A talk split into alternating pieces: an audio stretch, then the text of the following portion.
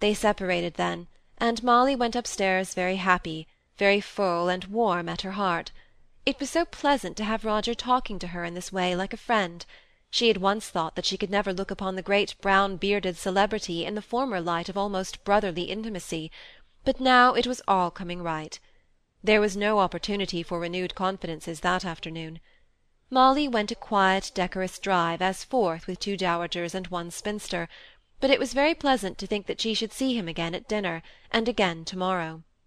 On the Sunday evening, as they were all sitting and loitering on the lawn before dinner, Roger went on with what he had to say about the position of his sister-in-law in his father's house, the mutual bond between the mother and grandfather being the child, who was also, through jealousy, the bone of contention and the severance. There were many little details to be given in order to make Molly quite understand the difficulty of the situations on both sides, and the young man and the girl became absorbed in what they were talking about, and wandered away into the shade of the long avenue. Lady Harriet separated herself from a group and came up to Lord Hollingford, who was sauntering a little apart, and putting her arm within his with the familiarity of a favourite sister, she said, "Don't you think that your pattern young man and my favourite young woman are finding out each other's good qualities?"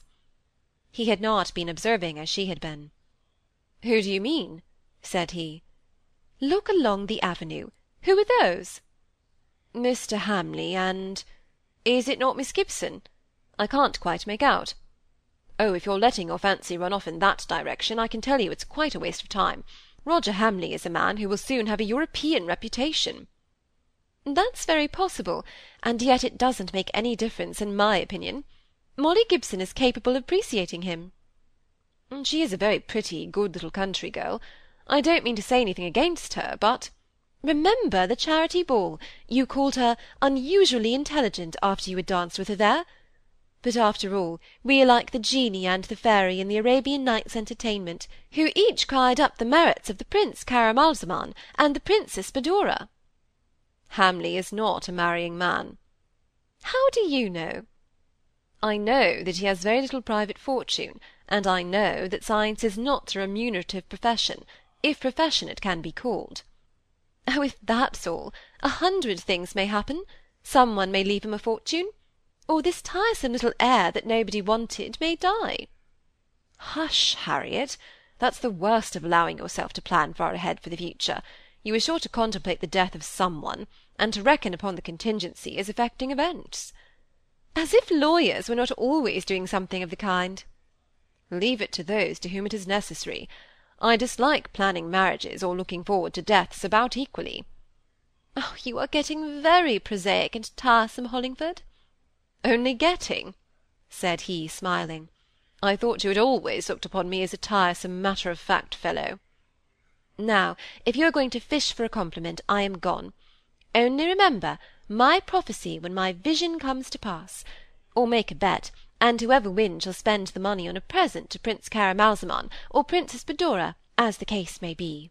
Lord Hollingford remembered his sister's words as he heard Roger say to Molly as he was leaving the Towers on the following day. Then I may tell my father that you will come and pay him a visit next week. You don't know what pleasure it will give him.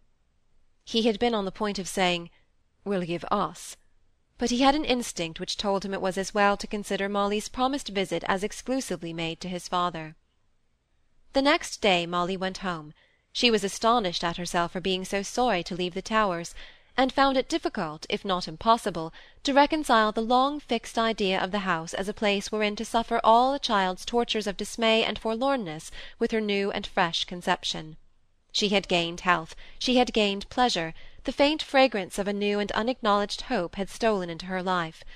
No wonder that Mr. Gibson was struck with the improvement in her looks, and Mrs. Gibson impressed with her increased grace. "Ah, Molly," said she, "it's really wonderful to see what a little good society will do for a girl. Even a week of association with such people as one meets with at the Towers is, as somebody said of a lady of rank whose name I have forgotten, a polite education in itself. There is something quite different about you, a je ne sais quoi. That would tell me at once that you have been mingling with the aristocracy. With all her charms, it was what my darling Cynthia wanted. Not that Mr. Henderson thought so, for a more devoted lover can hardly be conceived. He absolutely bought her a parure of diamonds. I was obliged to say to him that I had studied to preserve her simplicity of taste, and that he must not corrupt her with too much luxury; but I was rather disappointed at their going off without a maid. It was the one blemish in the arrangements, the spot in the sun. Dear Cynthia! When I think of her, I do assure you, Molly, I make it my nightly prayer that I may be able to find you just such another husband. And all this time you have never told me who you met at the Towers. Molly ran over a list of names. Roger Hamley's came last. Upon my word, that young man is pushing his way up. The Hamleys are a far older family than the Cumnors, said Molly, flushing up. Now, Molly, I can't have you democratic. Rank is a great distinction. It is quite enough to have dear papa with democratic tendencies. But we won't begin to quarrel. Now that you and I are left alone, we ought to be bosom friends, and I hope we shall be. Roger Hamley did not say much about that unfortunate little Osborne Hamley, I suppose? On the contrary, he says his father dotes on the child, and he seemed very proud of him himself. I thought the squire must be getting very much infatuated with something. I dare say the French mother takes care of that. Why, he has scarcely taken any notice of you for this month or more, and before that you were everything. It was about six weeks since Cynthia's engagement had become publicly known, and that might have had something to do with the squire's desertion, Molly thought. But she said, "The squire has sent me an invitation to go and stay there next week, if you have no objection, mamma. They seem to want a companion for Mrs. Osborne Hamley, who is not very strong." "I can hardly tell what to say. I don't like your having to associate with a Frenchwoman of doubtful rank, and I can't bear the thought of losing my child, my only daughter now. I did ask Helen Kirkpatrick, but she can't come for some time, and the house is going to be altered. Papa has consented to build me another room at last, for Cynthia and Mr. Henderson will, of course, come and see us. We shall have many more visitors, I expect, and your bedroom will make a capital lumber room, and Maria wants a week's holiday. I am always so unwilling to put any obstacles in the way of any one's pleasure, weakly unwilling, I believe, but it certainly would be very convenient to have you out of the house for a few days. So for once I will waive my own wish for your companionship, and plead your cause with papa. Miss Brownings came to call and hear the double batch of news.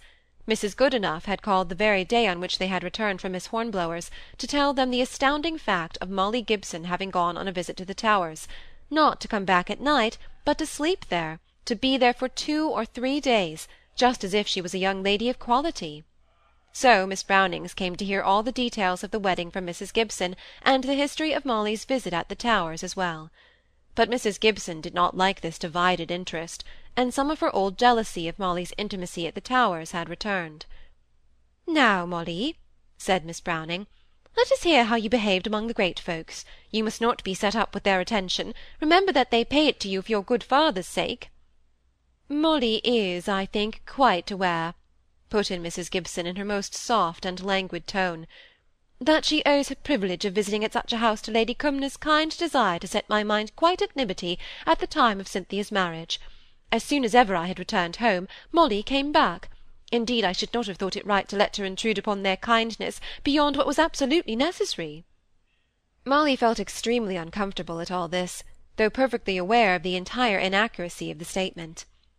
Well, but Molly, said Miss Browning, "never mind whether you went there on your own merits, or your worthy father's merits, or Mrs. Gibson's merits, but tell us what you did when you were there." So Molly began an account of their sayings and doings, which she could have made far more interesting to Miss Browning and Miss Phoebe if she had not been conscious of her stepmother's critical listening. She had to tell it all with a mental squint, the surest way to spoil an oration. She was also subject to Mrs. Gibson's perpetual corrections of little statements which she knew to be facts. But what vexed her most of all was Mrs. Gibson's last speech before the Miss Brownings left. Molly has fallen into rambling ways with this visit of hers, of which she makes so much, as if nobody had ever been in a great house but herself. She is going to Hamley Hall next week, getting quite dissipated, in fact. Yet to Mrs. Goodenough, the next caller on the same errand of congratulations, Mrs. Gibson's tone was quite different. There had always been a tacit antagonism between the two, and the conversation now ran as follows. Mrs. Goodenough began. "Well, Mrs. Gibson, I suppose I must wish you joy of Miss Cynthia's marriage. I should condole with some mothers as had lost their daughters, but you're not one of that sort, I reckon." Now, as Mrs. Gibson was not quite sure to which sort of mothers the greatest credit was to be attached, she found it a little difficult how to frame her reply.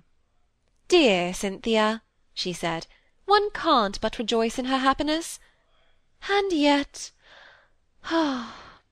She ended her sentence by sighing. Ay, she was a young woman as was always to have her followers; for to tell the truth, she was as pretty a creature as I ever saw in my life, and all the more she needed skilful guidance. I'm sure I, for one, am as glad as can be she's done so well by herself. Folks say Mr. Henderson has a handsome private fortune, over and above what he makes by the law. There is no fear but that my Cynthia will have everything this world can give," said Mrs. Gibson, with dignity. Well, well, she was always a bit of a favourite of mine, and as I was saying to my granddaughter there, for she was accompanied by a young lady, who looked keenly to the prospect of some wedding cake, I was never one of those who ran her down and called her a flirt and a jilt. I'm glad to hear she's like to be so well off. And now, I suppose, you'll be turning your mind to doing something for Miss Molly there. If you mean by that, doing anything that can, by hastening her marriage, deprive me of the company of one who is like my own child, you are very much mistaken, Mrs. Goodenough. And pray remember, I am the last person in the world to match make. Cynthia made Mr. Henderson's acquaintance at her uncle's in London. Ay, I thought her cousin was very often ill, and often needed her nursing, and you were very keen she should be of use. I'm not saying but what it's right in a mother, I'm only putting in a word for Miss Molly. Thank you, Mrs. Goodenough, said Molly, half angry, half laughing. When I want to be married, I'll not trouble mamma. I'll look out for myself. Molly is becoming so popular, I hardly know how we shall keep her at home, said Mrs. Gibson. I miss her sadly, but as I said to Mr. Gibson, let young people have change, and see a little of the world while they are young. It has been a great advantage to her being at the Towers while so many clever and distinguished people were there. I can already see a difference in her tone of conversation, an elevation in her choice of subjects. And now she is going to Hamley Hall, I can assure you I feel quite a proud mother when I see how she is sought after. And my other daughter, my Cynthia, writing such letters from Paris. Things is a deal changed since my days, for sure," said Mrs. Goodenough. "So perhaps I'm no judge. When I was married first, him and me went in a post-chaise to his father's house, a matter of twenty mile off at the outside, and sat down to as good a supper amongst his friends and relations as you'd wish to see, and that was my first wedding jaunt. My second was when I better knowed my worth as a bride, and thought that now or never I must see London. But I were reckoned a very extravagant sort of a body to go so far and spend my money, though Harry had left me uncommon well off, but now young folks go off to Paris, and think nothing of the cost, and it's well if wilful waste don't make woeful want before they die. But I'm thankful somewhat is being done for Miss Molly's chances, as I said afore. It's not quite what I should have liked to have done for my Annabella, though. But times are changed, as I said just now.